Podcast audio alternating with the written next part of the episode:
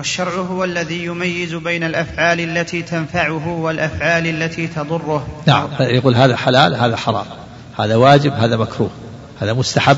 الشرع هو يميز هذا. وإلا لو ترك الإنسان لابد يفعل شيء. يفعل حركات وأشياء وأفعال لابد الإنسان متحرك همام طبيعته هكذا. ما يسكت ما يسكن ما يسكن إلا الميت. لابد أن يتحرك. يقول يتكلم يفعل يأكل يشرب فلا بد أن يعلم حكم هذه التصرفات. فجاء الشرع. فالله تعالى أرسل الرسل وانزل الكتب تبين للناس حكم أفعالهم وتصرفاتهم. نعم. والشرع هو الذي يميز بين الأفعال التي تنفعه والأفعال التي تضره. نعم. وهو عدل الله في خلقه.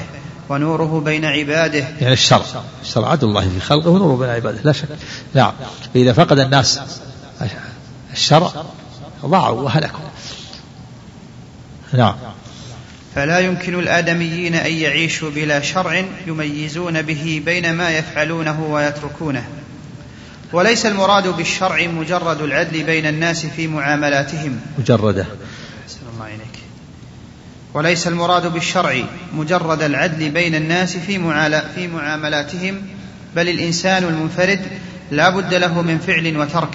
يعني حتى المنفرد وحده لو يعيش وحده. لا بد يفعل أشياء ويترك أشياء.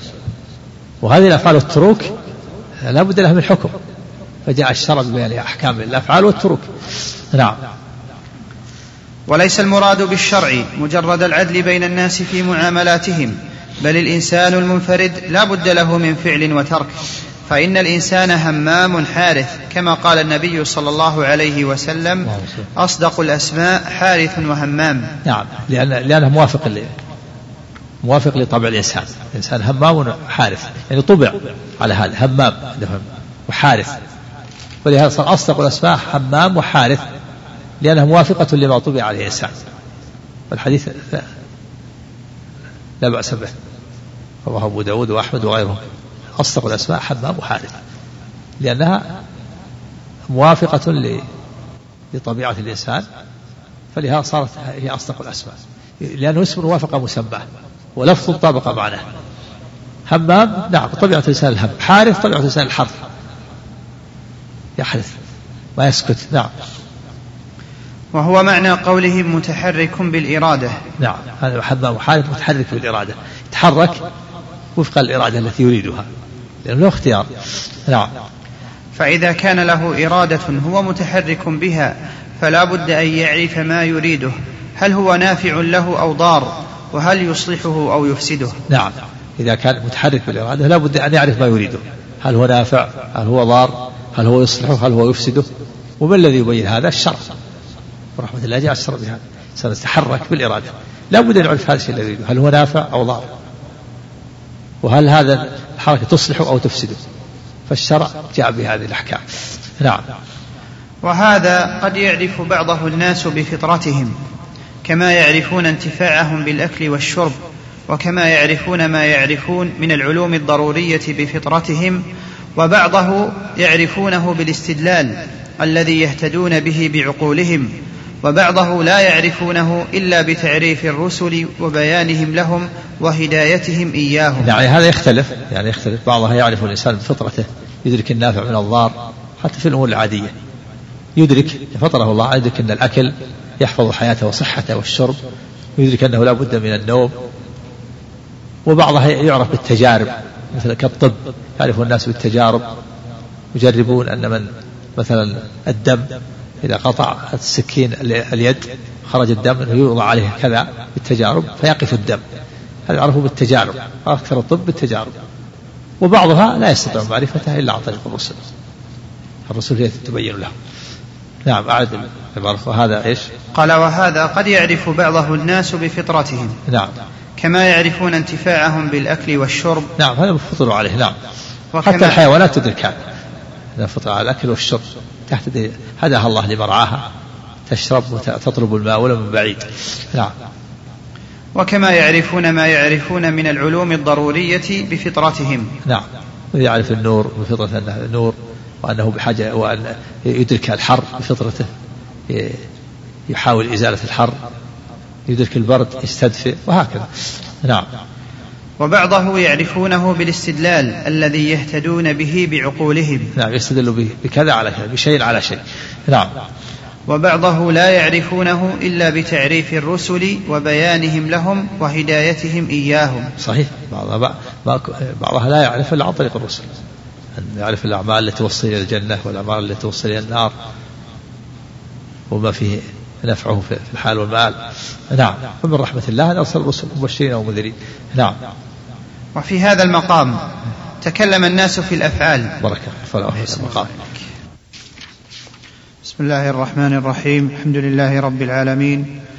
وصلى الله وسلم وبارك على نبينا محمد وعلى آله وصحبه وأتباعه بإحسان إلى يوم الدين أما بعد. اللهم صل فقال شيخ الإسلام ابن تيمية رحمه الله تعالى وفي هذا المقام تكلم الناس في الأفعال هل يعرف حسنها وقبحها بالعقل أم ليس لها حسن وقبح يعرف بالعقل كما قد بسط في غير هذا الموضع وبينا ما وقع في هذا الموضع من الاشتباه فانهم اتفقوا على أن كون الفعل يلائم الفاعل أو ينافره يعلم بالعقل وهو أن يكون الفعل سببا لما يحبه الفاعل ويلتذ به وسببا لما يبغضه ويؤذيه وهذا القدر يعلم بالعقل تارة وبالشرع أخرى وبهما جميعا أخرى.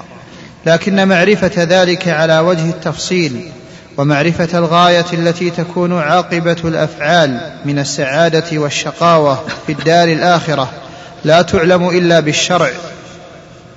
فما أخبرت به الرسل من تفاصيل اليوم الآخر وأمرت به من تفاصيل الشرائع لا يعلمه الناس بعقولهم.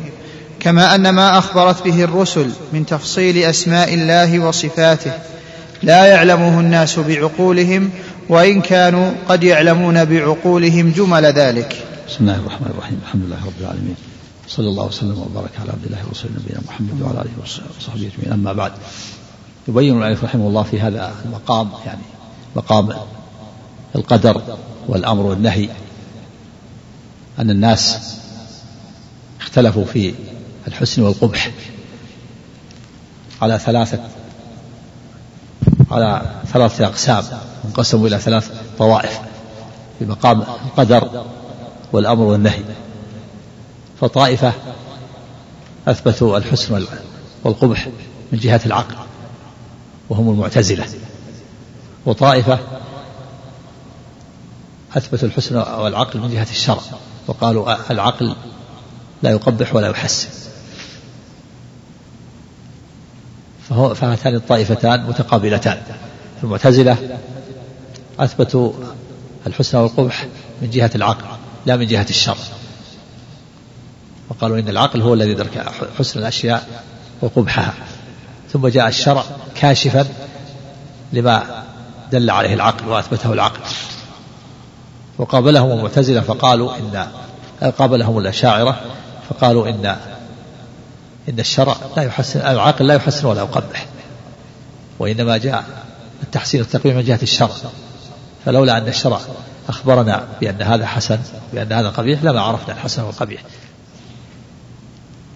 وأهل السنة يرون أن الحسن والقبح يعرف بالعقل وبالشرع. ولكن آه، تفاصيل تفاصيل الأشياء وغاياتها ونتائجها لا تعرف إلا بالشرع. ولهذا يقول العلماء إن الشريعة لم تأتي بما ينافي العقول ويناقض العقول وإنما الشرائع توافق العقول. فالعقل الصريح يوافق النقل الصحيح. النقل الصريح هو الذي سلم من الشبهات والشهوات يوافق النقل الصحيح فلا يختلفان فلا يمكن أن يخالف عقل صريح نقلا صحيحا. وإذا وجد ما يدل على المنافاة أو المناقضة فهذا لأحد أمرين إما لأن العقل غير صريح أو لأن النقل غير صحيح. إما لأن العقل غير صريح يعني فيه شبهة وشهوة أو لأن النقل صحيح غير صحيح. أما إذا كان النقل صحيحا والعقل صريحا فلا يمكن أن يتنافى. فالعقل الصريح يوافق النقل الصحيح ولهذا ألف الإمام شيخ الإسلام رحمه الله كتاب عظيم سماه موافقة صحيح المنقول لصريح المعقول. ويسمى باختصار العقل والنقل كتاب العقل والنقل.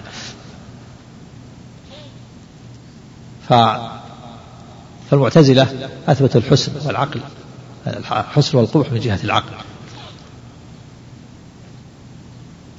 ولكن الحسن والقبح يثبتون إنما أثبتوها للأفعال. قالوا هذه صفات للأفعال نفسها. أما الفاعل فلا يقوم به وصف ولا يقوم به لا, لا يقوم به فعل. الرب لا, يقوم به فعل عندهم كما أنه لا يقوم به وصف ولا نعت. الرب لا يقوم به وصف عندهم ولا يقوم به فعل وإنما هذه الصفات الحسن والقبح إنما هي صفات ذاتية للأفعال نفسها. ثم جاء الشرع فكشف عن ذلك عن صفات الأفعال عن الحسن والقبح. الشرع ما جاء بالحسن والقبح وإنما جاء ب إنما جاء بكشف كشف ما أدركه العقل وأثبته العقل. وأما الشاعر فقالوا إن إن العقل لا يعرف الحسن ولا يعرف القبح. ولولا أن الشرع أخبرنا بأن هذا حسن وبهذا قبيح لما عرفنا ذلك. ويقول إن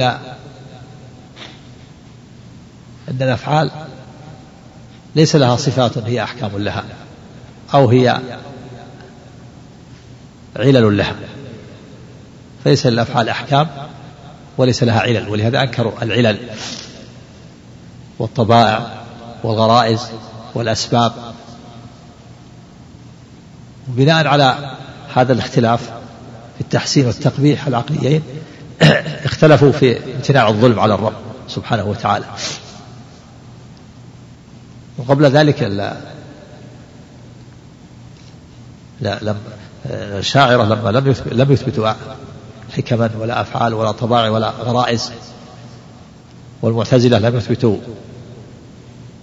فعلا يقوم بالرب ولا وصف أهل السنة والجماعة وأهل الحق يثبتون الحكمة وأنها تعود إلى حكمة تكون لشيء تعود إلى الرب سبحانه وتعالى فله حكمة في الأشياء والأفعال التي يحبها ويرضاها.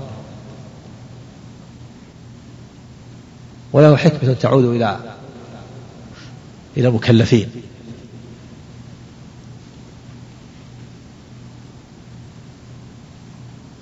يفرحون بها ويلتذون بها.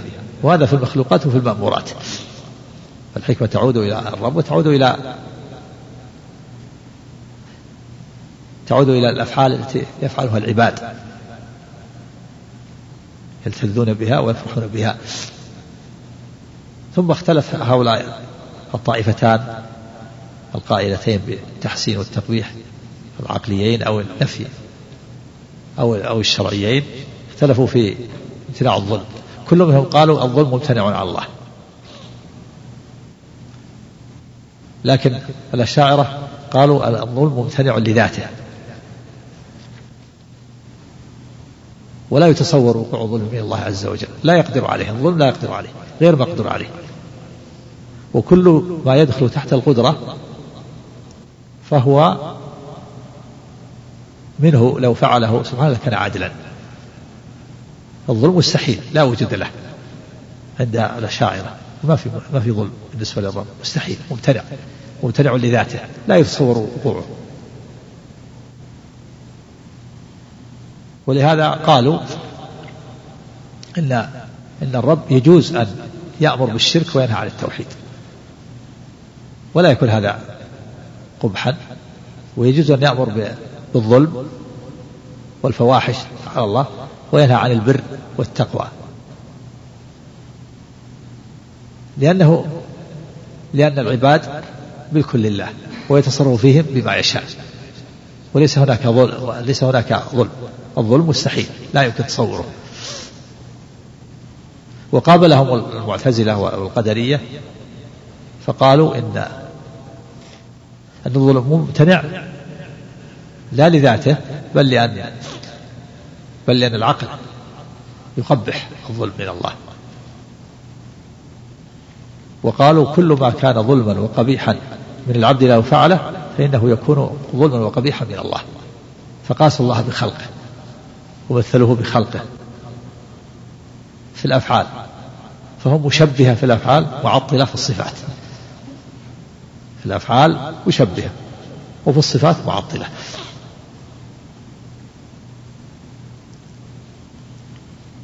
فالأشاعرة يقولون ما في ظلم لا لا يمكن أن يقع الظلم ولا يتصور وقوعه لأن, لأن الظلم مستحيل على الله كالجمع بين النقيضين. ويقولون إنها إنه لو, لو عذب العباد لو أبطل حسنات الأبرار والمتقين والأنبياء وحملهم ذنوب الفجرة والفساق والكفرة لما كان ظالما. لأنه يتصرف في ملكه. والظلم معناه هو تصرف المالك في غير ملكه أو مخالفة المأمور للآمر. والله ليس فوقه آمر حتى يخالفه. وكل ما في, هذا الوجود فهو ملك الله يتصرف فيه ما يشاء. ما في ظلم.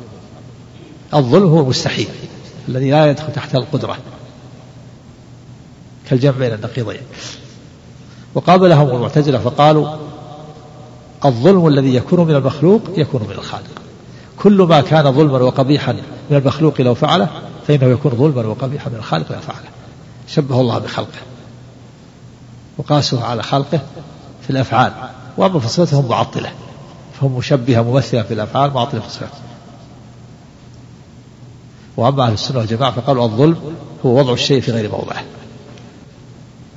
الظلم هو وضع الشيء في غير موضعه. كان يحمل أحدا أوزار غيره أو يمنعه من ثواب حسناته. هذا هو الظلم. والظلم مقدور عليه ما هو ممتنع. الله تعالى قادر على الظلم لكنه تنزه عنه سبحانه وحرمه على نفسه. لم يحرمه عليه أحد بل حرمه على نفسه من نفسه.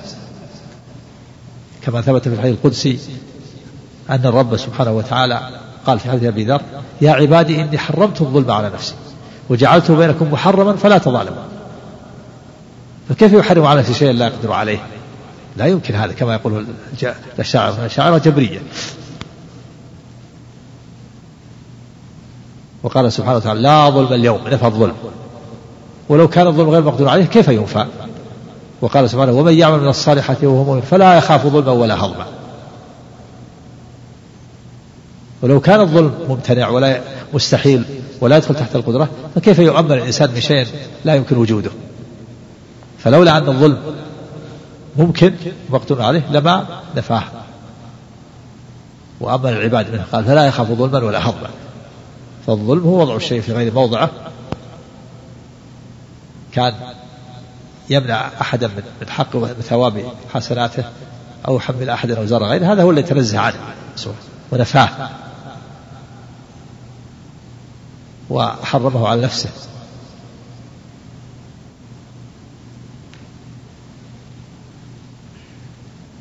تكرم منه سبحانه وتعالى. ولم يجب عليه أحد شيئا. لا يجب عليه أحد شيئا. ولا يحرم عليه أحد شيئا. ليس فوقه أحد سبحانه وتعالى. ولكنه هو الذي حرم على الظلم على نفسه من نفسه. وهو الذي أوجب على نفسه من نفسه. أوجب أن من وحد الله وأخلص له العبادة أوجب له الجنة. كما في الحديث حق الله, حق الله على العباد أن يعبده ولا يشركوا بشيء وحق العباد على الله أن لا يعذب من لا يشركوا بشيء هذا الحق. حق أوجبه على نفسه من نفسه سبحانه وتعالى. تكرر منه.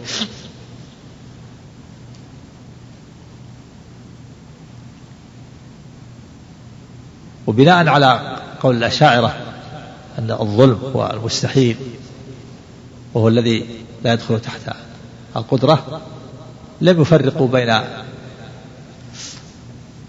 بين الحق وبين الباطل. على ذلك.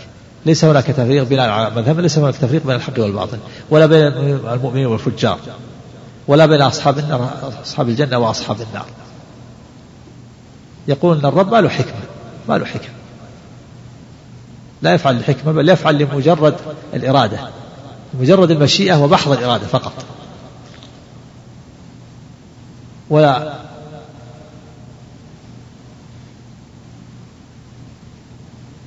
والطاعات التي يفعلها العباد ليست سببا في دخولهم الجنة. وإنما الله تعالى يدخل هؤلاء الجنة بمجرد مشيئته ومحض إرادته ويدخل هؤلاء النار بمجرد محض محضه ومشيئته بمجرد مشيئته ومحض إرادته. ولا في حكم ولا أسرار ولا أسباب ولا علل ولا غرائز ولا طبائع وليست الأعمال سبب في دخول الجنة وليست الشرك والمعاصي سبب في دخول النار. وهذا أمر باطل مناقض لنصوص الكتاب والسنة. مخالفة لحكمة الله. الله تعالى وادخلوا الجنة بما كنتم تعملون جزاء بما كانوا يعملون. والأسباب يضل به كثيرا ويهدي به كثيرا. أنزلنا من السماء ماء فأخرجنا به. وما منع أن نرسل بالآية إلا كذب بها الأولون. النصوص من الكتاب والسنة مملوءة ببيان الأسباب والعلل والغرائز. ويستدلون بمثل حديث لو عذب أهل السماوات وأرضه لعذبهم وهو غير ظالم لهم. ولو رحمهم لكانت رحمته خيرا لهم. قال هذا الدليل على أنه يتصرف بأفعاله ناشئة إنما إنما هو يفعل سبحانه وتعالى بالإرادة. ولكن أجاب أهل العلم على الحديث المعنى أن الله تعالى لو حاسب عباده بنعمه عليهم وأفعالهم وأعمالهم لكانوا مدينين وحينئذ لو عذبهم لعذبهم غير ظالم لهم. لو حاسب الله عباده بأعمالهم وبنعمه عليهم لا كانوا مدينين النعم أعظم. وحينئذ لو عذبهم لعذبهم غير ظالم. لكنه لا يفعل ذلك سبحانه وتعالى. ولا يحاسبهم بنعمه عليهم وأعمالهم. وإنما يبتدئهم بنعم جديدة. نعم. أعد من أول الله قال وفي هذا المقام تكلم الناس في الأفعال. هل يعرف حسنها وقبحها بالعقل؟ أم ليس لها حسن وقبح؟ على مذهب الأشاعرة. الأشاعرة ليس خاصا بالصفات. سبع صفات. في الأسباب في الإرادة. ما عندهم الا إرادة واحدة؟ كونية قدرية. وفي الأسباب وفي الحكم والغرائز هو خطير. نعم. نعم. الله عنك. قال وفي هذا المقام تكلم الناس في الأفعال هل يعرف حسنها وقبحها بالعقل؟ أم ليس لها حسن وقبح يعرف بالعقل؟ نعم. كما قد بسط في غير هذا الموضع.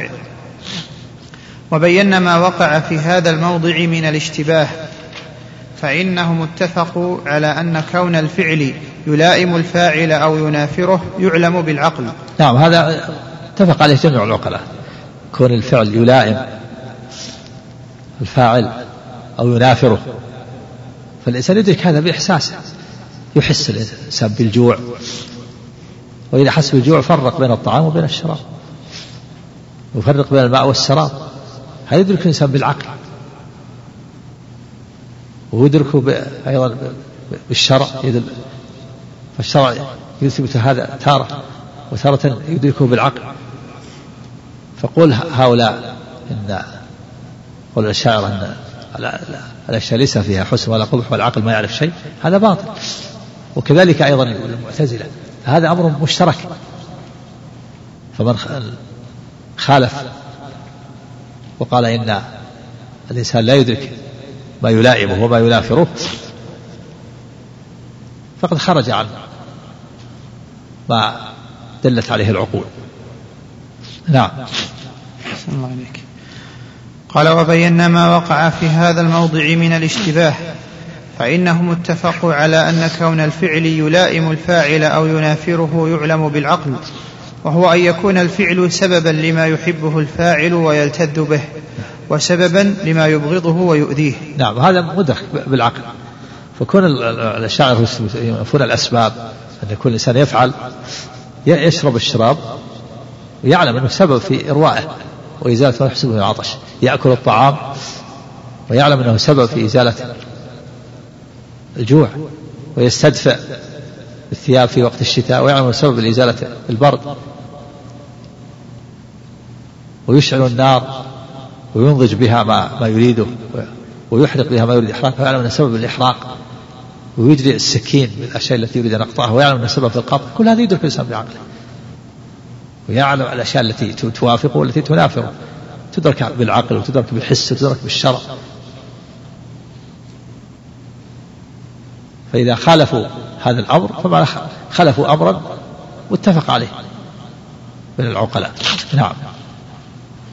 معك وهذا القدر يعلم بالعقل تارة وبالشرع أخرى وبهما جميعا أخرى لكن معرفة ذلك على وجه التفصيل ومعرفة الغاية التي تكون عاقبة الأفعال من السعادة والشقاوة في الدار الآخرة لا تعلم إلا بالشرع. يعني معرفة التفاصيل تفاصيلها ومعرفة النتائج.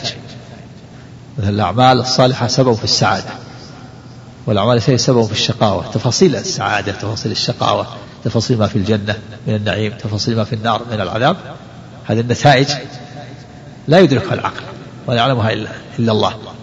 كذلك آه، تفاصيل ما يكون في الآخرة من الحوض والصراط والميزان حقائق أسماء الله وصفاته تفاصيلها لا يعلمها إلا الله. لكن العقل يدرك هذا جملة يدرك هذا إجمالا.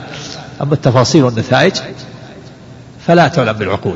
وهذا هو معنى قول العلماء إن الشريعة جاءت بمحارات العقول لا بمحالاتها.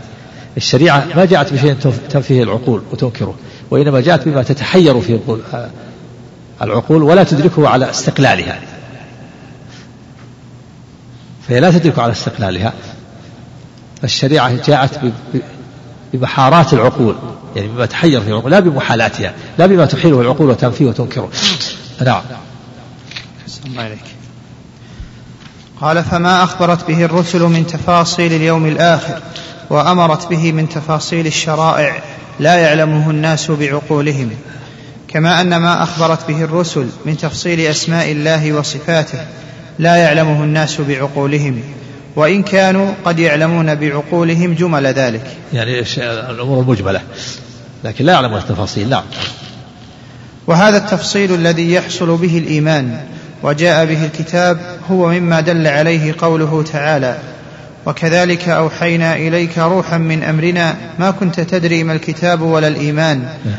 وهذا التفصيل. أحسن الله إليك. وهذا التفصيل الذي يحصل به الإيمان وجاء به الكتاب هو مما دل عليه قوله تعالى وكذلك أوحينا إليك روحا من أمرنا ما كنت تدري ما الكتاب ولا الإيمان ولكن جعلناه نورا نهدي به من نشاء من عبادنا. نعم يعني التفاصيل التي يحصل بها الإيمان ما ما كان يعرفها النبي صلى الله عليه وسلم حتى أنزل الله عليه الكتاب والحكمة. ولهذا قال سبحانه ووجدك ضالا فهدى. قال ما كنت تدري ما الكتاب ولا الإيمان. يعني قبل أن يوحى إليك. ووجدك ضالا فهدى. ولكن جعلناه نورا نهدي به من نشاء من عبادنا هذا القرآن نور يستضاء به وحياة للأرواح. سمي نورا لتوقف الهداية الحقيقية عليه وسمي حياة سمي روح لتوقف الحياة الحقيقية عليه. ولكنه ليس لكل أحد بل لمن شاء الله هدايته. ولهذا قال نور نهدي به من نشاء من عبادنا. فبعض الناس يهتدي بهذا النور وبعضهم لا يهتدي. من أراد الله هدايته اهتدى. ومن يريد الله فتنته فلن تملك له من الله شيء. نعم. وقوله تعالى والله له الحكمة البالغة.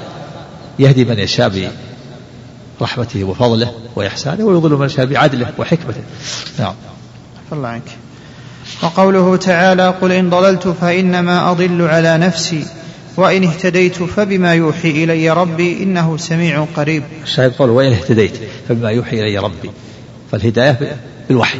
الهداية بالوحي. يعني فبسبب ما يوحي إلي تفاصيل الإيمان وتفاصيل الهداية لا إلا من الشر. نعم. وقوله تعالى قل إنما أنذركم بالوحي. نعم. الإنذار الرسول ينذر بالوحي الذي ينزل عليه. ما ينذر بالهوى ولا بما دلت عليه العقول بل بالوحي. نعم. ولكن طائفة ولهذا لما أنزل الله عليه في أول رسالة يا أيها المدثر قم فأنذر. أنذر الناس عن الشرك. ومرهم بالتوحيد الذي أنزل الله عليك. أوحاه إليك. نعم. ولكن طائفة توهمت أن للحسن والقبح معنى غير هذا وأنه يعلم بالعقل. وقابلت وهم هم معتزلة. توهموا أن الحسن والقبح غير غير هذا وهو أن الحسن والقبح يكون للأفعال. فقط. الأفعال نفسها. أما الفاعل الشخص لا يعرف لا يقوم به فعل ولا, ولا وصف وإنما هي الأفعال وقابلهم الأشاعرة فقالوا إن الأفعال ليس لها صفات وليس لها علل. نعم. ليس لها أحكام وليس لها علل. نعم. وقابلتهم طائفة أخرى ظنت أن ما جاء به الشرع من الحسن والقبح يخرج عن هذا. نعم. وإنما يكون يكون الأفعال ليس لها أحكام ولا ولا علل. أما كون الشيء الفعل يوافق الفاعل أو ينافره فإنهم نفوا هذا. وهذا من جهلهم وضلالهم. كون الإنسان يفعل الفعل ويرى أنه موافق له ويلتذ به ويرى فائدته أو يترك الفعل ويرى أنه ينافره وأنه ضاده وأنه يضره هذا معلوم. بالعقل ومعلوم بالحس. فكيف ينكرون هذا؟ نعم. فكلتا الطائفتين اللتين أثبتتا الحسن والقبح العقليين أو الشرعيين وأخرجتاه عن هذا القسم غلطت. غلطت. غلطت. تلك الطائفتين التي أثبتت الحسن والعقل العقليين المعتزلة والتي أثبتت الحسن والعقل الشرعيين الأشاعرة. واخرجوا عن هذا القسم جعلوا الشيء الذي يوافق العقل أو ينافره يوافق الإنسان أو يوافقه خارج عن هذا عن الحسن والقبح. غلط لأن الإنسان يدرك بعقله الشيء الذي يوافقه فيفعله الإنسان يعرف أنه يوافق يأكل ويشرب ويلتذ بالأشياء ويستدفئ ويفعل الأشياء اللي يرى أنها فيه فائدة له ويترك الأشياء التي تنافره وتضره. هذا يدركه بعقله وبحسه. وهم أخرجوا الحسن والقبح عن هذا عن هذه الأشياء التي تنافر الإنسان وتوافقه فغلطوا. غلط كل من الأشاعرة وكل من المعتزلة. نعم. الله عنك. فكلتا الطائفتين اللتين أثبتتا الحسن والقبح العقليين أو الشرعيين وأخرجتاه عن هذا القسم غلطت. ثم إن كلتا الطائفتين لما كانت تنكر أن يوصف الله بالمحبة والرضا والسخط والفرح ونحو ذلك مما جاءت به النصوص الإلهية ودلت عليه الشواهد العقلية. تنازعوا بعد اتفاقهم على أن الله لا يفعل ما هو منه قبيح. هل ذلك ممتنع لذاته؟ وأنه لا تتصور قدرته على ما هو قبيح أو أنه سبحانه وتعالى منزه عن ذلك لا يفعله لمجرد القبح العقلي؟ يعني ان إن كلا من الطائفتين كل من الطائفتين آه، أنكرت أن يكون الأشياء حسن وقبح خارج عن عما قرروه. كل من الطائفتين أنكرت أن يوصف الله بالرضا والغضب والسخط والفرح. أما المعتزلة فلأنهم ينكرون الصفات كلها ولا يثبتون إلا الأسماء. وأما الأشاعرة فإنهم لا يثبتون الصفات الفعلية وإنما يثبتون الصفات الذاتية. يثبتون سبع صفات هذا هو المشروع عندهم الحياة والكلام والبصر والسمع والعلم والقدرة والإرادة. وأما الغضب والسخط والرضا والفرح والكره والاستواء والعجب والضحك وغيرها من الصفات الفعلية فإنهم ينكرونها لأنهم يقولون إن هذه حوادث. والحوادث لا تقوم بذات الرب. الفرح حادث والغضب حادث والسخط حادث. هذه كانت الصفات الفعلية. ولا يثبت إلا الصفات الفعلية. فعلى هذا اتفق الأشاعرة والمعتزلة في نفي الصفات الفعلية وأن الرب لا يتصف بالغضب ولا بالسخط ولا بالرضا ولا بالمحبة ولا بالكره ولا بالسخط. بعد ذلك اختلفوا في الظلم الذي هو منفي عن الله. هل هل الظلم ممتنع؟ كل من الطائفين قال الظلم لا يفعله الرب وهو ممتنع. لكن الأشاعرة قالوا ممتنع لذاته وهو مستحيل لا يتصور وقوعه والأشاعرة قالوا ممتنع لأن لأن العقل يمنعه والرب لا يفعل شيئا يمنعه العقل نعم كل من الطائفتين اختلف إيش؟ الله عنك قال ثم إن كلتا الطائفتين لما كانت تنكر أن يوصف الله بالمحبة والرضا والسخط والفرح ونحو ذلك مما جاءت به النصوص الإلهية نعم. ودلت عليه الشواهد العقلية نعم. تنازعوا بعد اتفاقهم على أن الله لا يفعل ما هو منه قبيح. نعم كلهم اتفقوا على أن الله لا يفعل القبيح لكن ما هو القبيح؟ القبيح عند المعتزلة ما قبحه العقل والقبيح عند الأشاعرة ما لا يدخل تحت القدرة. المبتلع على المستحيل وهذا باطل. وأهل السنة يقول العقل يدرك القبح والشرع يدرك القبح. ولكن التفاصيل تفاصيل الحسن والقبيح تفاصيل الأشياء ونتائجها لا يعلمها إلا الله. أما جملها و... فهي معلومة للعقل وللشرع. نعم. نعم. نعم. نعم. عنك. تنازعوا بعد اتفاقهم على أن الله لا يفعل ما هو منه قبيح. نعم. هل ذلك ممتنع لذاته؟ وأنه لا تتصور قدرته على ما هو قبيح؟ كما هو قول الأشاعرة. نعم. أو أنه سبحانه وتعالى منزه عن ذلك لا يفعله لمجرد القبح العقلي الذي أثبتوه. كما هو قول المعتزلة. نعم. على قولين. نعم. والقولان في الانحراف من جنس القولين المتقدمين. أولئك لم يفرقوا. من جنس القولين المتقدمين في التحسين والتقبيح العقلي. هذان القولان في الظلم. والقولان السابقان في التحسين والتقبيح العقلية قولان في الظلم وقولان في التحسين والتقبيح العقلي كل منهم كل من القولين باطل. هنا وهناك. نعم. الله قال والقولان في الانحراف من جنس القولين المتقدمين. أولئك لم يفرقوا في خلقه وأمره بين الهدى والضلال. وهم الأشاعرة. لم يفرقوا في خلق الله والأمر بين الهدى والضلال. ولا بين الحق والباطل. ولا بين الكفار والفجار. ولا بين الحسن والقبيح. ولا بين الإيمان والعمل و و و والكفر ولا بين العمل الصالح والعمل السيء. ما في فرق بينهم. ولا يمدح ولا يثنى على الرب بأنه أمر بالتوحيد والطاعة ونهى عن الشرك والمعصية. ما في لأن ما في حكم ولا أسرار ولا طبائع ولا غرائز. فالرب يفعل مجرد الإرادة المشيئة ومحض الإرادة فقط. ويقولون إن الرب يدخل هؤلاء الجنة بلا عمل ولا ولا, حكمة. والأعمال ليست أسباب. ويدخل هؤلاء النار بلا عمل وبلا سبب. يتصرف في ملك ما يشاء ولا يعتبر هذا ظلم ولا يكون هذا ظلم. لأن الرب يتصرف في ملكه. ويستدعون مثل حديث هؤلاء إلى الجنة ولا أبالي وهؤلاء إلى النار ولا أبالي. ولا ينظر إلى بقية النصوص الأخرى. فضلوا إذا على قولهم الرب ليس محمود على أفعاله. ولا على نعمه. ولا على أحكامه. نعم. أولئك نعم. الله عنك. قال والقولان في الانحراف من جنس القولين المتقدمين. أولئك لم يفرقوا في خلقه وأمره بين الهدى والضلال نعم. والطاعة والمعصية والأبرار والفجار وأهل الجنة وأهل النار. وهم الأشاعرة لأنهم جبرية. ما عندهم ما عندهم أحكام ولا أسباب ولا أفعال ولا حكم. نعم. وأهل الجنة وأهل النار والرحمة والعذاب فلا جعلوه محمودا على ما فعله من العدل أو تركه من الظلم ولا ما فعله من الإحسان ما في ظلم عندهم. الظلم مستحيل. نعم. فلا يجعله محمود على ما فعله من من الإحسان والرحمة ولا على ما آه، تنزه عنه من الظلم. نعم. فلا جعلوه محمودا على ما فعله من العدل أو تركه من الظلم ولا ما فعله من الإحسان والنعمة أو تركه من العذاب والنقمة. نسأل الله السلامة والعافية. نعم نعم. والآخرون أعوذ بالله من زيغ القلوب. نعم. نعم.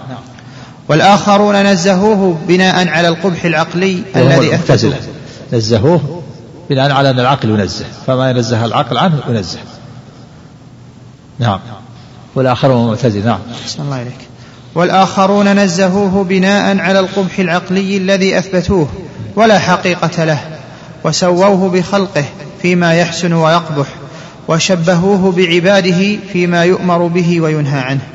فيما يأمر به وينهى عنه. آه إذا آه هم مشبهة مشبهة في الأفعال معطلة في الصفات. ففي الأفعال شبه الله بخلقه وقاس الخالق على المخلوق. وفي الصفات عطلوا. الرب من صفاته ونفوا الصفات نعم. وسووه بخلقه فيما يحسن ويقبح وشبهوه بعباده فيما يأمر به وينهى عنه. نسأل الله العافية. نعم. فمن نظر إلى القدر فقط وعظم الفناء في توحيد الربوبية ووقف عند الحقيقة الكونية لم يميز بين العلم والجهل والصدق والكذب والبر والفجور والعدل والظلم. وهذا هو الجهبرية نظروا إلى المشيئة الإلهية. المشيئة العامة وقيوميها الشاملة وأن الله مشيئة الله عامة لكل شيء للخير وللشر وكل شيء مقدر و والله تعالى يسوق المقادير إلى أوقاتها. حينئذ لا لا يميزون بين الكفار وبين الفجار وبين الحق والباطل كل شيء مقدر. ما ينظر إلى الشرع فضلوا ما ينظر إلا إلى القدر. ينظر إلى القدر خاصة وينظر إلى المشيئة المشيئة الشاملة قيومية الشاملة والربوبية العامة لكل شيء قيومية الله وربوبيته ومشيئة وتقديره لكل شيء في الخير والشر. أما الشرع ما ينظر إليه. فلذلك لا يميزون بين الحق والباطل وبين ولا بين الهدى والضلال ولا بين أهل الجنة وأهل النار ولا بين المؤمنين والكفار. والواجب على الإنسان أن ينظر إلى الشرع وإلى القدر. ينظر إلى القدر ويؤمن بأن الله قدر الأشياء علم الأشياء وكتبها وشاءها وكل شيء خلقه. كل شيء هذا فالله خلقه وله الحكمة البالغة وينظر إلى الشرع. وأن الله تعالى خلق العباد لتوحيده وطاعته وأرسل إليهم الرسل وأنزل إليهم الكتب. وأن الإنسان مكلف مأمور ومنهي والله تعالى له الحكمة البالغة في شرعه وأمره. أما من نظر إلى المشيئة فقط المشيئة القيومية الشاملة والربوبية العامة ولا ينظر إلى الشرع يهلك يوصله الأمر والعياذ بالله إلى الكفر الصريح فيكون أكثر من اليهود والنصارى نعوذ بالله. كما حصل هذا من الصوفية الذين توغلوا في في المشيئة الإلهية وفنوا في توحيد الربوبية ولم ينظروا إلى الشرع فوصلوا إلى الكفر الصريح نعوذ بالله حتى وصلوا إلى قول بوحدة الوجود بسبب إعراضهم عن الشرع وعدم نظرهم إلى الأمر والنهي والوعد والوعيد. نعم. الله عنكم. فمن نظر إلى القدر فقط وعظم الفناء في توحيد الربوبية ووقف عند الحقيقة الكونية لم يميز بين العلم والجهل والصدق والكذب والبر والفجور والعدل والظلم والطاعة والمعصية والهدى والضلال. لأن هذه الأشياء كلها مقدرة ينظر إلى القدر بس. لكن ما ينظر إلى الشرع الذي يفرق بين هذا وهذا بين بين الحسن وبين القبيح بين البر وبين التقوى وبين العدل وبين الظلم الشرع فرق بينهم أما القدر فكل شيء مقدر. هو ينظر إلى القدر ولا ينظر إلى الشر. ولذلك ضلوا. نسأل الله السلامة والعافية. والفناء يكون يفنى يعني يستغرق النظر فيه. وأصل الفناء أن تفني شيء في شيء. كان تفني الدقيق في الماء. إذا وضعت الدقيق في الماء فنيت هذا في هذا صار كله ماء إذا كان الماء كثير. فنيت شيء في شيء. فهم يفنوا في توحيد الربوبية ولا ينظرون إلا يفنون الأوامر الشرعية كلها يفنونها في في الربوبية الشاملة يلغون الأوامر حتى تصل بهم الحال إلى أنهم ينسون كل شيء حتى ينسون أنفسهم ولا يشاهدون إلا إلا الرب بزعمهم. حتى تصل بهم الحال إلى أن يجحدوا كل ما سوى الله ويقول ليس هناك موجود إلا الله. وكل ما تراه هو الله وهذا تعدد وهم. وإلا فكل شيء تراه هو الله. نعوذ بالله من زغ القلوب. نعم. الله والطاعة والمعصية والهدى والضلال والرشد والغي وأولياء الله وأعدائه وأهل الجنة وأهل النار. وهؤلاء مع أنهم مخالفون بالضرورة لكتب الله ودينه وشرائعه. فهم مخالفون أيضا لضرورة الحس والذوق. نعم هؤلاء يعني الجبرية. الجبرية هؤلاء الجبرية مخالفون للشرع كما أنهم مخالفون للشرع مخالفون للحس والعقل والذوق. لأن الإنسان يدرك يميز بذوقه وحسه وشعوره بين بين النافع وبين الضار وبين الحق وبين الباطل يميز بين الأشياء. حتى الحيوانات عندها تمييز. تميز إذا جاعت ذهبت إلى تطلب الأكل وإذا ظمأت تطلب الماء والإبل تمشي ولو أيام طويلة حتى ترد على الماء. فطرت على هذا. إن الماء تشرب حتى تبقى حياتها. فقل هؤلاء كونهم لا يميزون بين بين الأشياء ويرون يقول الأشياء ليس هناك تمييز ولا فرق بينها وليس هناك شيء حسن ولا قبيح ولا شيء يلائم الإنسان ولا شيء ينافره. خالفوا مع أنهم خالفوا الشرع خالفوا الحس والعقل والذوق. الذي فطر فطرت عليه الخلائق حتى البهائم. نعم. الله عنك. وهؤلاء يعني هذه يعني هذه هؤلاء الصوفية والجبرية يعني يظن بعض الناس وبعض الإخوان أنهم هم موجودون موجودون الآن. لهم من قديم. وهم موجودون الآن في في كل بلد الآن من بلاد العالم تجد صوفية. وتجد الطرق. وكل طريقة لها شيخ. مئات الطرق تجدها. إذا خرجت من المملكة تجدها في كل مكان. في الشام وفي مصر وفي باكستان وفي ليبيا وفي سوريا. في كل مكان في العالم. طرق ولكل شيخ طريقة توصلهم إلى النار أعوذ بالله. بعضها طرق كفر بعضها بدعة. القادرية والشاذلية والنقشبندية وغيرها من الطرق. وكلها موجودة كل يقررون هذا هذا هذا الصوفية يقررون هذا هذا هذا الذي تسمعونه اللي بينها الشيخ رحمه الله كله يقرر عندهم ولهم مؤلفات ولهم حتى وصلوا قول بوحدة الوجود وابن عربي رأسه الوجود يسمونها إمام العارفين وله كتب وله مؤلفات له مؤلف تطبع بأوراق صقيلة وتحقق. وهناك من يدافع عنهم ويقول هؤلاء أهل الحق وأهل الحقيقة. موجود. وهناك من هناك كان قبل سنين طويلة اللي في السودان اللي شخص يسمى قتلها النويري ينفض جبته ويقول إنه هو الله نفسه ادعى انه صوفي ادعى انه ادعى القول بوحدة الوجود فقتل وهم موجودون بكثرة الآن في السودان بكثرة وفي مصر بكثرة وفي سوريا وفي ليبيا وفي كل مكان. ويوجد هنا عندنا من هناك صوفية لكنهم يختفون. يوجد في المدينة وفي مكة ويجعل له موالد. ويزعمون أن النبي صلى الله عليه وسلم يحضر موالدهم لكنها فيما بينهم في بيوتهم الخاصة ولا يظهرونها. نعم. أحسن الله إليكم. قال وهؤلاء مع أنهم مخالفون بالضرورة لكتب الله ودينه وشرائعه. فهم مخالفون أيضا لضرورة الحس والذوق. والضرورة الشيء الذي يضطر الإنسان ويدركه و و ولا يستطيع الانفكاك عنه.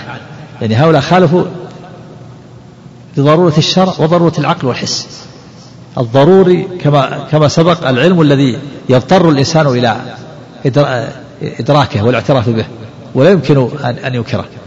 مثل كان تعلم أن النهار. تعلم أن النهار أنك النهار أنك في النهار. تعلم أن الشمس طالعة. هذا ما أحد يمكن ما تستطيع يمكن ضرورة لابد تثبت أن طلوع الشمس. أما العلم النظري هو الذي يحتاج إلى تأمل واستدلال. هذا العلم الضروري يعني هذا أمر ضروري يدركه كل أحد الحس والعقل والشرع. ومع ذلك خالفوا الضرورات. الشيء اللي ضرورات العقول والشرائع والحس خالفوها. نعم. أحسن الله إليك. قال وهؤلاء مع أنهم مخالفون بالضرورة لكتب الله ودينه وشرائعه فهم مخالفون أيضا لضرورة الحس والذوق وضرورة العقل والقياس. نعم. فإن أحدهم لا بد أن يلتذ بشيء ويتألم بشيء. هذا بيان لمخالفة الضرورة هؤلاء الذين أنكروا الواحد يلتذ بشيء ويتألم بشيء. فإذا التذ بشيء يطلبه. تلذذ بالأكل والشرب وإذا تعلم من شيء يتركه. هم هذا بأنفسهم يعلمون هذا لكنهم خالفوا ما يعلمونه من أنفسهم. نعم. فإن أحدهم. فإن أحدهم لا بد أن يلتذ بشيء ويتألم بشيء نعم. فيميز بين ما يؤكل ويشرب وما لا يؤكل ولا يشرب نعم. وبين ما يؤذيه من الحر والبرد وما ليس كذلك. وهذا التمييز بين ما ينفعه ويضره هو الحقيقة الشرعية الدينية. نعم. والشرع جاء بما ينفع الناس. أمرهم بما ينفعهم ونههم عما يضرهم. نعم. ومن ظن أن البشر ينتهي إلى حد يستوي عنده الأمران دائما فقد افترى. نعم. وخالف ضرورة الحس. ولكن قد يعرض للإنسان بعض الأوقات عارض كالسكر والإغماء ونحو ذلك مما يشغله عن الإحساس ببعض الأمور. نعم والنوم. يعني من ظن أن هناك إنسان يصل إلى حالة ما يميز بين النافع وبين الضار فقد غلط. لكن قد يعرض له بعض الأشياء فيضعف عنده التمييز في بعض الأشياء. كالنوم مثل النائم ما يميز بين الأشياء لكنه آه، ليس يعني آه، التمييز ليس كاملا بل قد يحصل له بعض في نومة يحصل له رؤيا يتلذذ بها ويحصل له رؤيا تضره تزعجه. فعنده يكون عنده إحساس في بعض الأحيان. كذلك السكران. السكران ليس عنده تمييز لكن عنده تمييز بعض الأشياء ضعف عنده التمييز وكذلك المغمى عليه. فليس تمييزه عدم تمييزه تمييز كامل بل ضعف التمييز عنده في بعض الأشياء. أما أن يوجد شخص حي ليس عنده تمييز من جميع الأشياء ولا إحساس من جميع الأشياء هذا لا يمكن. نعم. الله عنكم. ومن ظن أن البشر ينتهي إلى حد يستوي عنده الأمران دائما فقد افترى وخالف ضرورة الحس. ولكن قد يعرض للإنسان بعض الأوقات عارض كالسكر والإغماء ونحو ذلك مما يشغله عن الإحساس ببعض الأمور. لا لا بكله بعض الأمور تغيب عنه ما يميز. بسبب سكره أو سبب إغماءه أو بسبب نومه. نعم. فإما أن يسقط إحساسه بالكلية مع وجود الحياة. فأما أن فأما أن يسقط. يعني فأما أن يوجد شخص يسقط إحساسه من جميع الأشياء في كل الأشياء وهو حي فهذا لا يوجد أبدا. إلا الميت. الميت هو نعم. فالله عنك. فأما أن يسقط إحساسه بالكلية مع وجود الحياة فيه فهذا ممتنع. فإن النائم لم يسقط إحساس نفسه بل يرى في منامه ما يسره تارة. وما لم يسقط فإن النائم إيش؟ الله عنك. فأما أن يسقط ال... فإن النائم؟ الله عنك. فإن النائم. لم يسقط إحساس نفسه. كذا عندكم ها؟ لم يفقد أحسن. لم يفقد إحساس نفسه. نعم. عندك في النسخة الثانية تعليق ما ذكر عفوا الله عنك. إن شاء الله. لعل خطأ مطبعي إيه؟ فإن فإن النائم نعم. أحسن الله إليك. فإن النائم لم يفقد لم يفقد إحساس نفسه. نعم. بل يرى في منامه ما يسره تارة وما يسره فإن النائم عندك إيش فإن النائم لم يسقط إيه. لم يسقط إحساس نفسه. نعم. تصلح لم يسقط أو لم يفقد. يعني متقاربة. لم يسقط إحساس نفسه. أو لم يفقد. نعم. نعم. فإن النائم لم يفقد إحساس نفسه بل يرى في منامه ما يسره تارة وما يسوءه أخرى. فالأحوال التي يعبر عنها بالاصطلام والفناء والسكر ونحو ذلك إنما تتضمن عدم الإحساس ببعض الأشياء دون بعض. هذه عند الصوفية الاصطماء الاصطلام والفناء والسكر هذه اصطلاحات عند واردات ترد على القلوب بزعمهم. وله الصلام وله يرد على القلب. يمنعهم بعض الأشياء. والفناء كذلك يكون عنده غيبوبة. غيبة بسبب وارد قوي. والسكر كذلك. هذه واردات ترد على القلوب بزعم عند الصوفية تمنعهم بعض الإحساس. السكر يسكر, يسكر, يسكر بالمحبة حتى لا يكاد لا يميز بينه وبين المحب بسبب السكر شدة المحبة. والفناء كونه يفنى. يفنى في هذا يستغرق. يستغرق في نظره إلى المشيئة وقيومها الشاملة والمشيئة الربوبية حتى لا يميز بين الحق وبين الباطل. فهذه واردات ترد على قلوبهم بزعمهم أحوال للقلوب وأفعال القلوب وواردات ترد على قلوبهم خاصة بالصوفية. يزعم أحدهم أنه يسقط عنه التمييز في هذه الحالة. نعم فالاصطلاح فالاصطلاح. فالأحوال التي يعبر عنها بالاصطلام والفناء والسكر ونحو ذلك. يعني يعبر عنها الصوفية. هذه كلها عند الصوفية. الاصطلام والسكر و, و والفناء. الفناء والغيبة غيبة أحدهم عن شهود الكائنات. تجريد شهود الحقيقة الكونية والغيب عن شهود الكائنات. هذا يسمونه فناء تجريد شهود الحقيقة الكونية والغيب عن شهود الكائنات. يعني يجرد شهودها لله ومشيئته وإرادته وأنه قدر الأشياء. كل شيء في هذا الكون هو الذي شاءه وأراده وقدره. وكل شيء ينفذ فيه قدرة الله ومشيئته. ولا ينظر إلا إلى الله ويغيب عن شهود الكائنات. جميع المخلوقات تغيب عنها. بأن يتناساها ولا يشهدها السماوات والأرض حتى ينسى نفسه. وبزعمه حتى حتى يوحد شهودة لله. لأن هذه الأشياء تشوش عليه فكرة. هو يريد أن يجمع شهودة على ربه فلا ينظر إلا إلى الله. ينسى ما, ما سواه. يسمونها غيبة. تجريد شهود الحقيقة الكونية والغيبة عن شهود الكائنات. يسمونه فناء يسمونه فناء. هذا الفناء. والاصطلام كذلك. وارد يرد على على القلب حتى يصطلب يعني يكون الشيء شيء واحد. وكذلك السكر والوله كل هذه واردات وأحوال ترد على قلوبهم بزعمهم. نعم. الله عنك. يزعم أنه يدعي أنه يسقط عن التمييز. فالمؤلف يقول هذه أشياء يعني واردة ترد قد تضعف قد تضعف التمييز لكن لا تقضي على التمييز عندهم وقد تكون دعوة عندهم. نعم. السلام عليك. قال فالأحوال التي يعبر عنها بالاصطلام والفناء والسكر ونحو ذلك إنما تتضمن عدم الإحساس ببعض الأشياء دون بعض. يعني لا يسقط التمييز عن جميع الأشياء بل يكون لا يحس ببعض الأشياء. أما أن يكون لا يحس بجميع الأشياء فهذا لا يمكن أبدا إلا الميت نعم. فهي مع نقص صاحبها لضعف تمييزه لا تنتهي إلى حد يسقط فيه التمييز مطلقا. نعم يعني هي ليست كمال هذه بل هي ضعف هي نقص في العقل نقص في الشر ليست كمال هذه.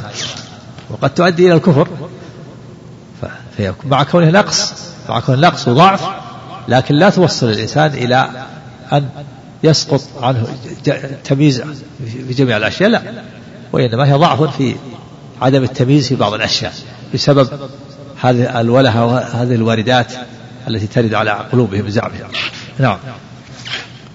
ومن نفى التمييز في هذا المقام مطلقا وعظم هذا المقام فقد غلط في الحقيقة الكونية والدينية قدرا وشرعا. نعم.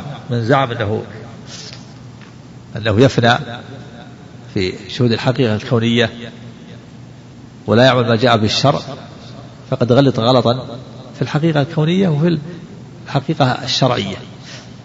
غلط في هذا وهذا. وكان متعرضا لغضب الله وسخطه ولزيغ القلوب نعوذ بالله ولزيغ القلب. قال تعالى فلما زاغوا وزاغ الله قلوبهم. هم الذين تسببوا وفعلوا هذا هذا الأمر وأقحموا أنفسهم في هذه الأمور. التي ما أنزل الله بها من سلطان نعم. ومن نفى التمييز في هذا المقام مطلقا وعظم هذا المقام فقد غلط في الحقيقة الكونية والدينية قدرا وشرعا. نعم. غلط في خلق الله وفي أمره. نعم. خلق الله هذا القدر وأمره هذا الشر. غلط في القدر والشر. نعم. غلط في خلق الله وفي أمره حيث ظن وجود هذا ولا وجود له. وحيث ظن أنه ممدوح ولا مدح في عدم التمييز والعقل والمعرفة. يعني ظن أنه لا يميز بين الشرع وبين بين بين القدر وقد غلط في هذا. وظن أن هذا مدح وقد غلط في هذا. هذا ما هو مدح. كون ظن أنه لا يميز بين بين الشرع وبين القدر هذا باطل بل لابد من التمييز. وكونه ظن أن أن هذا ممدوح أنه لا يميز بين الشرع وبين وبين العقل وأنه إذا وصل إلى حالة آه، فإنه عنه التكليف إذا وصل إلى مرتبة بزعمهم وتجاوز العامة وألغى صفاته وأفعاله وجعل صفة الله سقط عنه التكليف. هذا أيضا غلط آخر بل هو كفر وضلال. نعوذ بالله. نعم. وإذا سمعت بعض الشيوخ يقول أريد أن لا أريد أو إن العارف لا حظ له أو إنه يصير كالميت بين يدي الغاسل ونحو ذلك.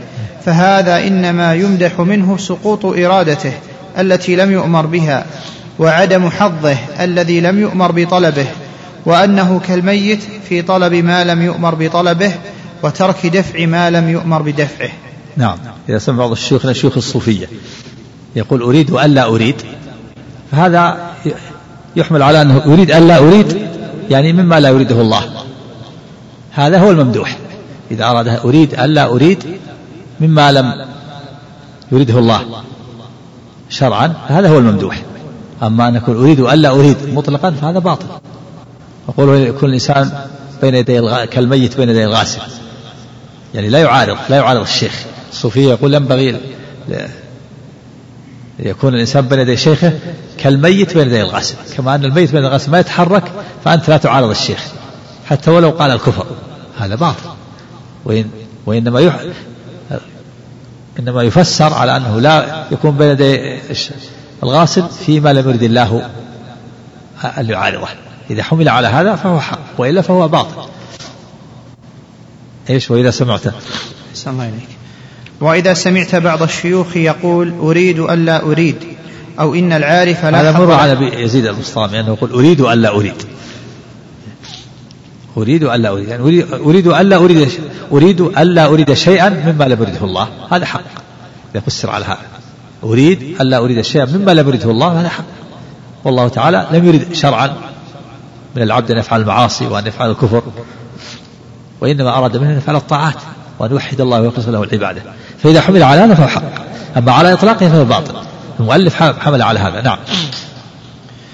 وإذا سمعت بعض الشيوخ يقول أريد ألا أريد أو إن العارف لا حظ له. إن العارف لا حظ له يعني فيما لم يرد الله له.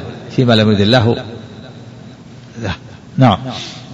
أو إنه يصير كالميت بين يدي الغاسل ونحو ذلك. يعني فيما لم يرد الله له أن يعارض فيه. إذا حمل على هذا فهو حق. أما يكون أما على إطلاقه باطل يكون لا يعارض الشيخ يكون كالميت بين يدي الغاسل. ولو أمره بالكفر والمعاصي. ولو أمره بالباطل هذا باطل. نعم. فهذا إنما يمدح منه سقوط إرادته التي لم يؤمر بها. نعم. هذا هذا الآن المؤلف وجه وجه هذه الكلمات على المعنى الصحيح. يمدح منه سقوط إرادته فيما لم يرد الله. أن يريد ذلك. فقل أريد ألا أريد يعني تسقط إرادته في الشيء الذي لم يرد الله له أن أن يفعله. نعم فهذا إنما يمدح. الله إليك.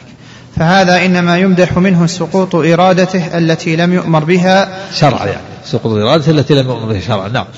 وعدم حظه الذي لم يؤمر بطلبه. نعم يعني ألا حظ له يعني عدم حظه فيما لم يرد الله طلبه. يحمل على هذا. نعم. وأنه كالميت في طلب ما لم يؤمر بطلبه وترك دفع ما لم يؤمر بدفعه. كالميت بين يدي الغاسل في في عدم طلب ما لم يضرب منه طلبه وفي دفع ما لم يرد منه أن يدفعه. بهذا التأويل يكون صحيح. أما على إطلاق هذه العبارات فهي باطلة. نعم. ومن أراد بذلك أنه تبطل إرادته بالكلية وأنه لا يحس باللذة والألم والنافع والضار فهذا مخالف لضرورة الحس والعقل. يعني من أراد أن هذه العبارات على إطلاقها وأنه أريد ليس له إرادة أريد أن لا أريد. وليس له إرادة في كل شيء فهذا باطل. خالف ضرورة العقل والحس كما أنه مخالف للشرع. نعم. ومن مدح هذا فهو مخالف لضرورة الدين والعقل. نعم مدح الشخص اللي تسقط إرادته وأنه لا يميز بين الشيء وليس له إرادة كالميت بين يدي الغاسل.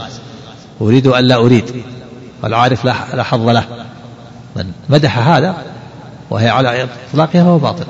نعم ومن مدح إيش؟ ومن مدح هذا فهو مخالف لضرورة الدين والعقل. نعم.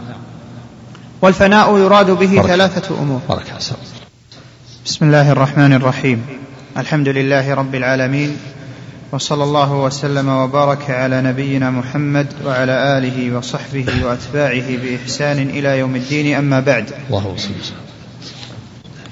قال شيخ الإسلام ابن تيمية رحمه الله تعالى والفناء يراد به ثلاثة أمور أحدها وهو الفناء الديني الشرعي الذي جاءت به الرسل ونزلت به الكتب هو أن يفنى عما لم يأمر عما لم يأمر الله به بفعل ما أمر الله به فيفنى عن عبادة غيره بعبادته وعن طاعة غيره بطاعته وطاعة رسوله. وعن التوكل على غيره بالتوكل عليه وعن محبة ما سواه بمحبته ومحبة رسوله وعن خوف غيره بخوفه بحيث لا يتبع العبد هواه بغير هدى من الله وبحيث يكون الله ورسوله أحب إليه مما سواهما. كما قال تعالى قل إن كان آباؤكم وأبناؤكم وإخوانكم وأزواجكم وعشيرتكم وأموال اقترفتموها وتجارة تخشون كسادها ومساكن ترضونها أحب إليكم من الله ورسوله وجهاد في سبيله فتربصوا حتى يأتي الله بأمره. فهذا كله هو مما أمر الله به ورسوله. وأما الفناء الثاني وهو الذي يذكره بعض الصوفية وهو أن يفنى عن شهود ما سوى الله تعالى فيفنى بمعبوده عن عبادته. وبمذكوره عن ذكره وبمعروفه عن معرفته بحيث قد يغيب عن شعوره بنفسه بحيث بحيث قد يغيب عن شعوره بنفسه وبما سوى الله. ها؟ بحيث إيش؟ عن شعوره. لا شهوده. عنك في نسخة قال نسخة حاء شهود نفسه. نعم أحسن شهوده نعم. لأن لأن هذا نوع معناها الشهود. نعم. الله عنك. قال بحيث قد يغيب عن شهود نفسه وبما سوى الله. نعم. فهذا حال ناقص قد يعرض لبعض السالكين وليس هو من لوازم طريق الله. ولهذا لم يعرض مثل هذا للنبي صلى الله عليه وسلم والسابقين الأولين. ومن جعل هذا نهاية السالكين فهو ضال ضلالا مبينا. وكذلك من جعله من لوازم طريق الله فهو مخطئ بل هو من عوارض طريق الله التي تعرض لبعض الناس دون بعض ليس هو من اللوازم التي تحصل لكل سالك.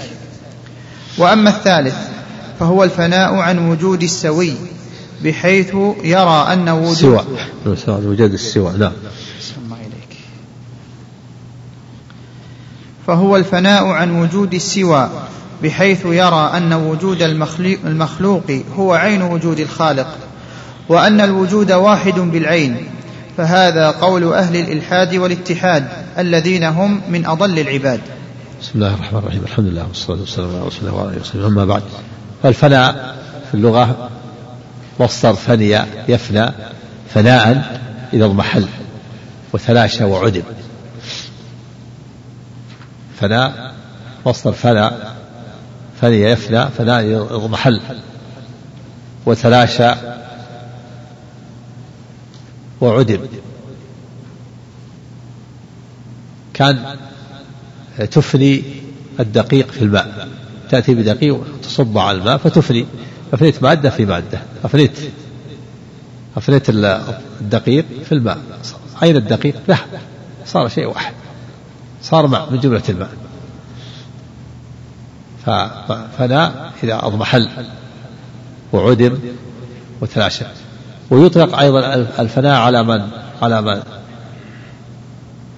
على من ذهبت قوته وصفاته وصفته وإن بقي أصله. فإذا ذهبت قوة الشيء وصفته وبقي أصله يسمى فناء. كقول الفقهاء لا يقتل في المعركة شيخ فان يعني ضعيف ذهبت صفاته وقوته. قال تعالى كل من عليها فان أي ذاهب ومضمحل. وأما الفناء في صلاح الصوفية فهو ثلاثة أنواع. يطلق على أمور الفناء عن مراد السوى والفناء عن شهود السوى والفناء عن وجود السوى. الفناء عند ينقسم ثلاثة أقسام القسم الأول الفناء عن مراد السوى. والثاني الفناء عن شهود السوى. والثالث الفناء عن وجود السوى. فالأول الفناء عن مراد السوى هذا فناء الأبرار والمتقين ومعنى هذا الفناء أن يقدم مراد الله على مراد النفس. سمي فناء لأن الإنسان يلغي مراد نفسه لمراد الله عز وجل. فيقدم محبة الله ومحبة رسوله على محبة نفسه وهواه. يقدم طاعة الله وطاعة رسوله على طاعة غيره. ومن ثمرات هذا الفناء أن لا يحب إلا في الله ولا يبغض إلا في الله ولا يوالي إلا في الله ولا يعادي إلا في الله ولا يرجو إلا الله ولا يخاف إلا الله. ولا يتوكل إلا على الله ولا يستعين إلا بالله. هذه هذا فناء الأبرار والمتقين سمي فناء يعني في في مقابلة النوعين الآخرين. معنى فناء يعني تقديم تقديم شيء على شيء. تقدم مراد الله على مرادك. تقدم محبة الله على محبة نفسك. تقدم مراد الله على ما تهواه أنت فمع الفناء هنا مع تقديم. تقديم ما يريده الله على ما تريده أنت وعلى ما تشتهي نفسك. والثاني الفناء عن شهود السوى. وهو أن يفنى عن شهود ما سوى الله. السوى يعني سوى الله.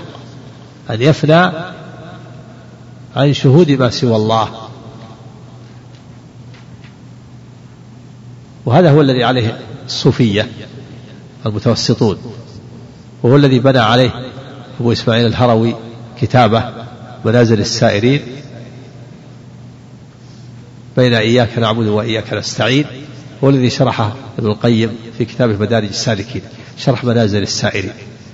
هو إسماعيل الهروي سمى كتابه منازل السائرين يعني يسيرون إلى الله. بين إياك نعبد وإياك نستعين. لكن مشى على طريقة الصوفية. وغلب عليه الفناء والجمع فعطل العبادة. الفناء عن شهود السواء هو أن يفنى عن شهود ما سوى الله بمعنى أنه يلغي ما سوى الله من الشهود. لا ينكر ما سوى الله لكن يلغيه من الشهود يتناساه حتى لا يشوش عليه شهوده فهو يوحد شهوده إلى الله. فلا ينظر إلا إلى الله ولا ينظر إلى السماوات ولا إلى الأراضين ولا إلى الآدميين ولا إلى الحيوانات ولا إلى الأزهار ولا الأشجار تشوش عليه يزعم تشوش عليه شهودة فيلغيها ما كأنها موجودة ما ينكرها لكنه يلغيها من الشهود ولا يلغيها من الوجود. ولهذا يعبرون عن هذا يقول هو هذا النوع من الفناء هو تجريد شهود الحقيقة الكونية والغيبة عن شهود الكائنات. تجريد شهود الحقيقة الكونية والغيبة عن شهود الكائنات. الكائنات المخلوقات. تغيب عنها. تغيب عنها يعني تنساها. تنساها ولا تنظر إليها. ما كأنها موجودة. ما كان تنظر إلا إلى الله فقط. يقول أحدهم أنا ما أستطيع أنظر إلى سماوات وأراضين وشمس وقمر وآدم. يتشوش علي. فأنا أوحد شهودي. فلا أشهد إلا الله. حتى لا تشتت ذهني. فأنا ما أنظر إلا إلى الله ما كان موجود إلا الله حتى نفسه ينساها. وقد يقوى شهود القلب بالمحبوب وقد يقوى شهود القلب بالمحبوب حتى يفنى به ويظن أنه اتحد به وامتزج به حتى يظن أنه هو شدة الشهود. شدة شهود القلب للمحبوب قد يقوى شهود القلب المحبوب فيفنى فيه. حتى يظن أنه اتحد به وامتزج به حتى يظن أنه هو. ومن ذلك أن أن محبوبا ألقى نفسه في اليم في البحر فألقى المحب نفسه خلفه. فعتب عليه فقال أنا ما الذي ألقاك؟ فقال غبت بك عني فظننت أنك عني غبت بك عني فظننت أنك عني كان مغناطيس يعني مغناطيس. اجتذبه هذه هذه حال ناقصة. في هذه الحالة يضعف التمييز. بل يفقد التمييز فيصير ليس عنده شعور. ومن ذلك ما روي عن أبي يزيد البسطامي أنه لما غلب عليه الشهود في هذه الشهود لله نفض جبته وقال ما في الجبة إلا الله. نعوذ بالله. هذا يقول الشيخ رحمه الله شيخ الاسلام لو قال هذا وعنده تمييز فلا شك أنه كافر. لكن يحمل هذا على أنه ما عنده تمييز سقط تمييزه ما عنده شعور. فهذه حال ناقصة هذه حال ناقصة الضعف. كما قال المؤلف لا تعرض جميع السالكين وإنما شيء يعرض لبعض السالكين السالكين الذين العابدين الواحد سالك الواحد سالك عند الصوفية يسمون العابد سالك. لا تعرض لكل العابدين بل تعرض لبعضهم بسبب نقصه وضعفه وضعف تمييزه. وهي حال ناقصة. ومن زعم أنها حال كاملة فقد ضل ضلالا مبينا كما ذكر المؤلف رحمه الله. ولا شك أن شهود العبد لربه وشهوده لنفسه وتمييزه يعني يشهد نفسه بأنه عبد مربوب مخلوق وأنه مكلف ويشهد ربه بأنه بأنه معبود. يشهد نفسه بأنه معبد وأنه عبد لله ويشهد ربه بأنه بأنه سبحانه وتعالى معبود بالحق وأنه الإله الحق ويشهد المخلوقات والسماوات على أنها مسخرة وعلى الله خلقها لحكمة. هذا هو الكمال. أما أن يلغيها يلغي نفسه يلغيها من الشهود ولا يشهدها ولا يشهد نفسه هذا ضعف ونقص عظيم. ومن قال إن هذا طريق سليم فقد ضل ضلالا مبينا. النوع الثالث من الفناء الفناء عن وجود السوى.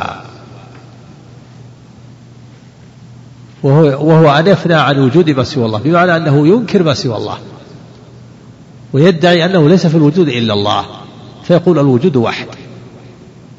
فوجود الخالق هو وجود المخلوق ووجود المخلوق هو وجود الخالق ووجود العبد هو وجود الرب ووجود الرب هو وجود العبد فالعبد هو الرب والرب هو العبد والخالق هو المخلوق والمخلوق هو الخالق نعوذ بالله.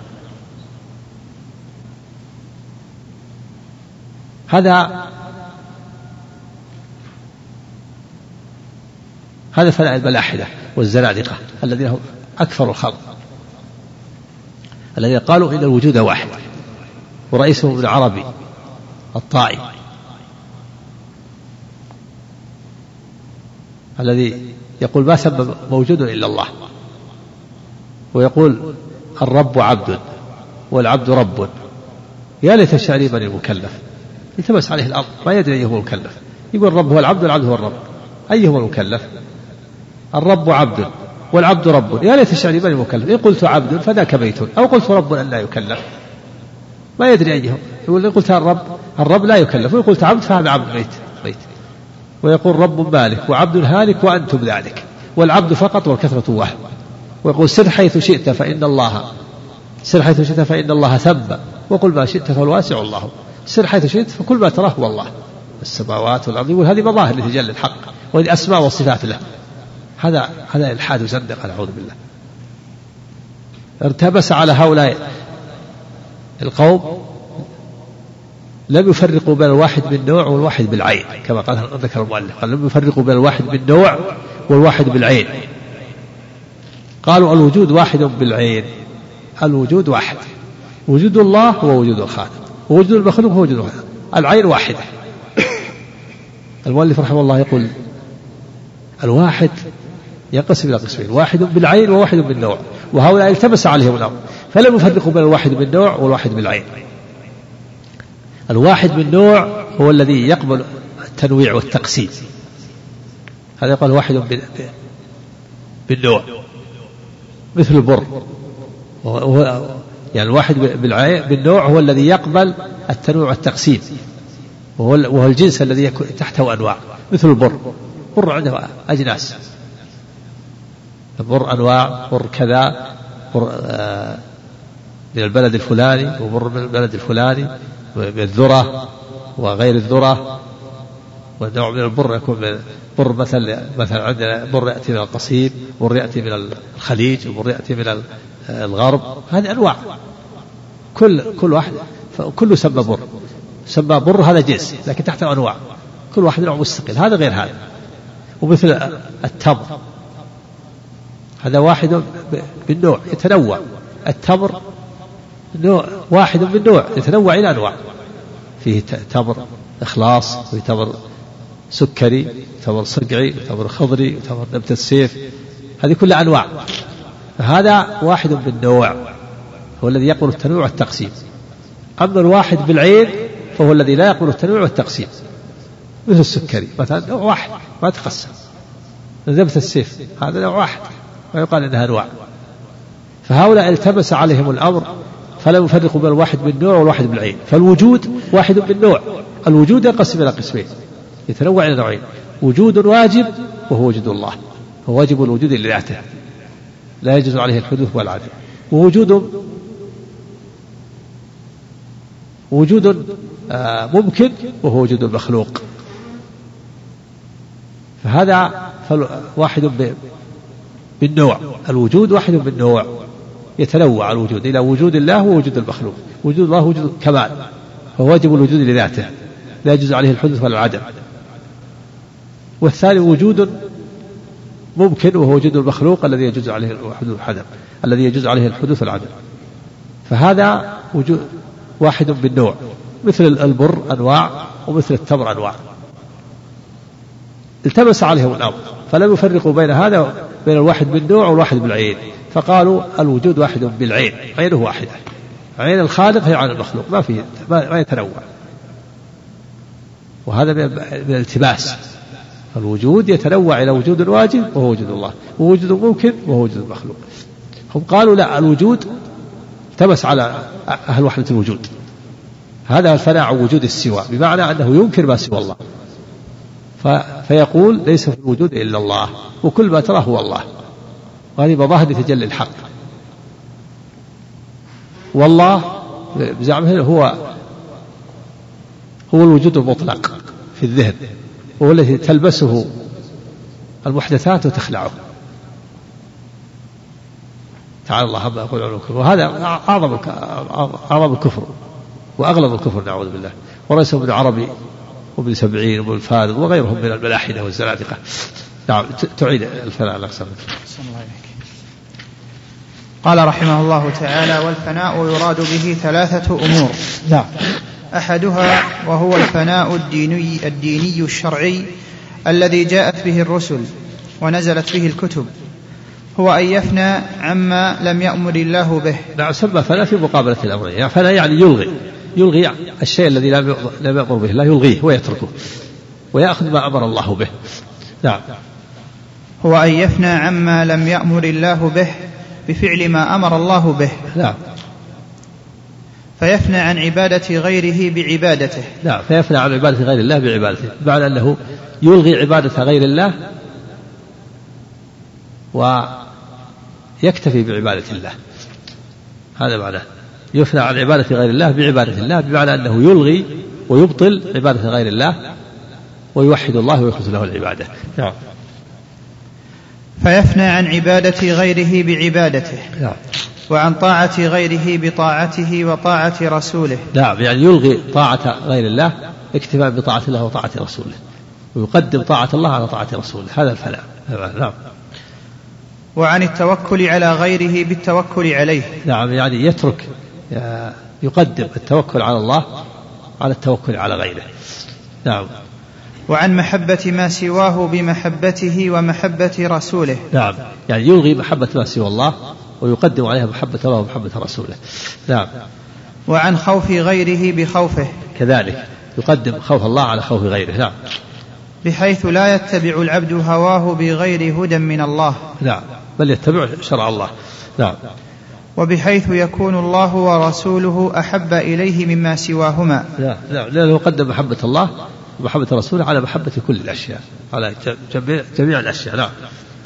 كما قال تعالى قل إن كان آباؤكم وأبناؤكم وإخوانكم وأزواجكم وعشيرتكم وأموال اقترفتموها وتجارة تخشون كسادها ومساكن ترضونها أحب إليكم من الله ورسوله وجهاد في سبيله فتربصوا حتى يأتي الله بأمره.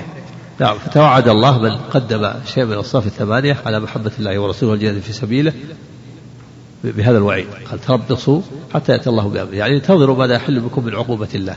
ثم قال في آخر الآية والله لا يهدي القوم الفاسقين.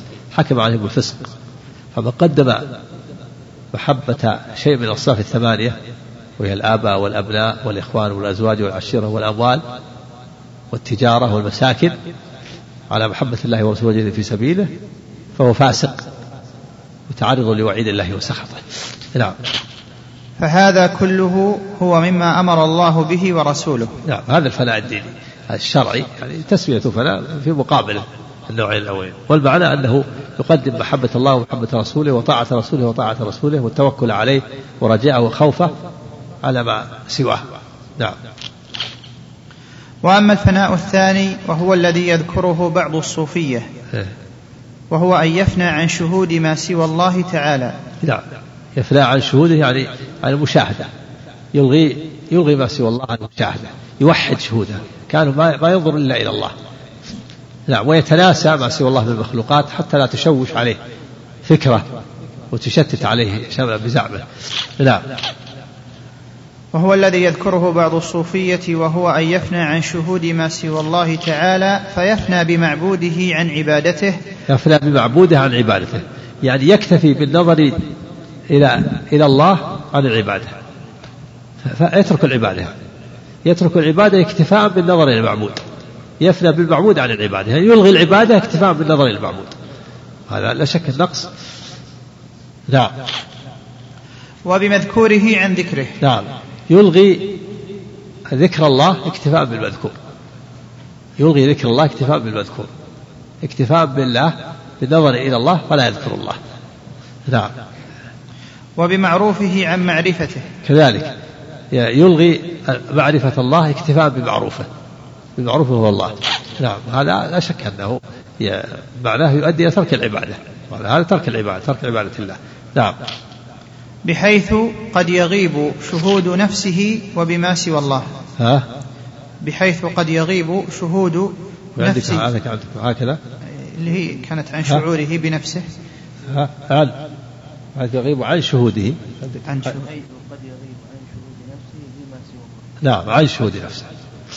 بحيث بحيث قد يغيب عن شهود نفسه وبما سوى الله. نعم يعني ما سوى الله من المخلوقات والأراضين والسماوات والأرضين حتى نفسه يغيب عنها. اكتفاء بالنظر إلى الله. ينساها يغيب ما كأنه موجود حتى نفسه ما, ما, ما يدري عنها ما يدري عن نفسه ولا عمل حوله. اكتفاء بغيبوبة. مثل الإنسان اللي حصل له غيبوبة بالسكر أو بال آه، مثلا الإغماء أو بالنوم. غايب. غايبا عن نفسه وعن المخلوقات اكتفاء بالنظر إلى الله حتى لا تشوش عليه. نعم. نسأل الله السلامة والعافية. لا شك أنه نقص عظيم. نعم. فهذا حال ناقص. لا شك أن حال الناقص يؤدي إلى ترك العبادة نعوذ بالله. نعم. ويؤدي إلى الكفر والضلال. وهو وسيلة إلى الوصول إلى النوع الثالث وهو فناء الملاحدة. نعم. فهذا حال ناقص قد يعرض لبعض السالكين. بعض السالكين من الصوفية يعرض لهم مثل هذا. أما المؤمنون الذين ثبتهم الله وجعل عندهم ثبات فلم يحصل ما حصل للصحابة رضوان الله عليهم. لكن حصل لبعض التابعين بعض المتأخرين من آه، عباد أهل الكوفة.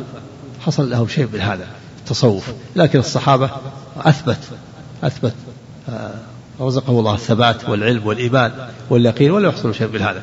نعم. فهذا حال ناقص قد يعرض لبعض السالكين وليس هو من لوازم طريق الله. نعم. ما هو بلازم لكل من سلك الطريق الله يحصل له هذا لا. لكن يحصل لبعض الضعفاء البصيرة وضعيف القلب ضعيف يحصل له مثل هذا. نعم. ولهذا لم يعرض مثل هذا للنبي صلى الله عليه وسلم والسابقين الأولين. نعم ما عرض النبي ولا عرض الصحابة ما عندهم غيبوبة ولا فناء. نعم. ومن جعل هذا نهاية السالكين فهو ضال ضلالا مبينا. نعم بعض الصوفية يقول هذا أفضل حال أفضل حال وهذه النهاية وهذا الكمال. هذا ضال لا شك. مخالف لما عليه النبي صلى الله عليه وسلم والصحابة. نعم. وكذلك من جعله من لوازم طريق الله فهو مخطئ.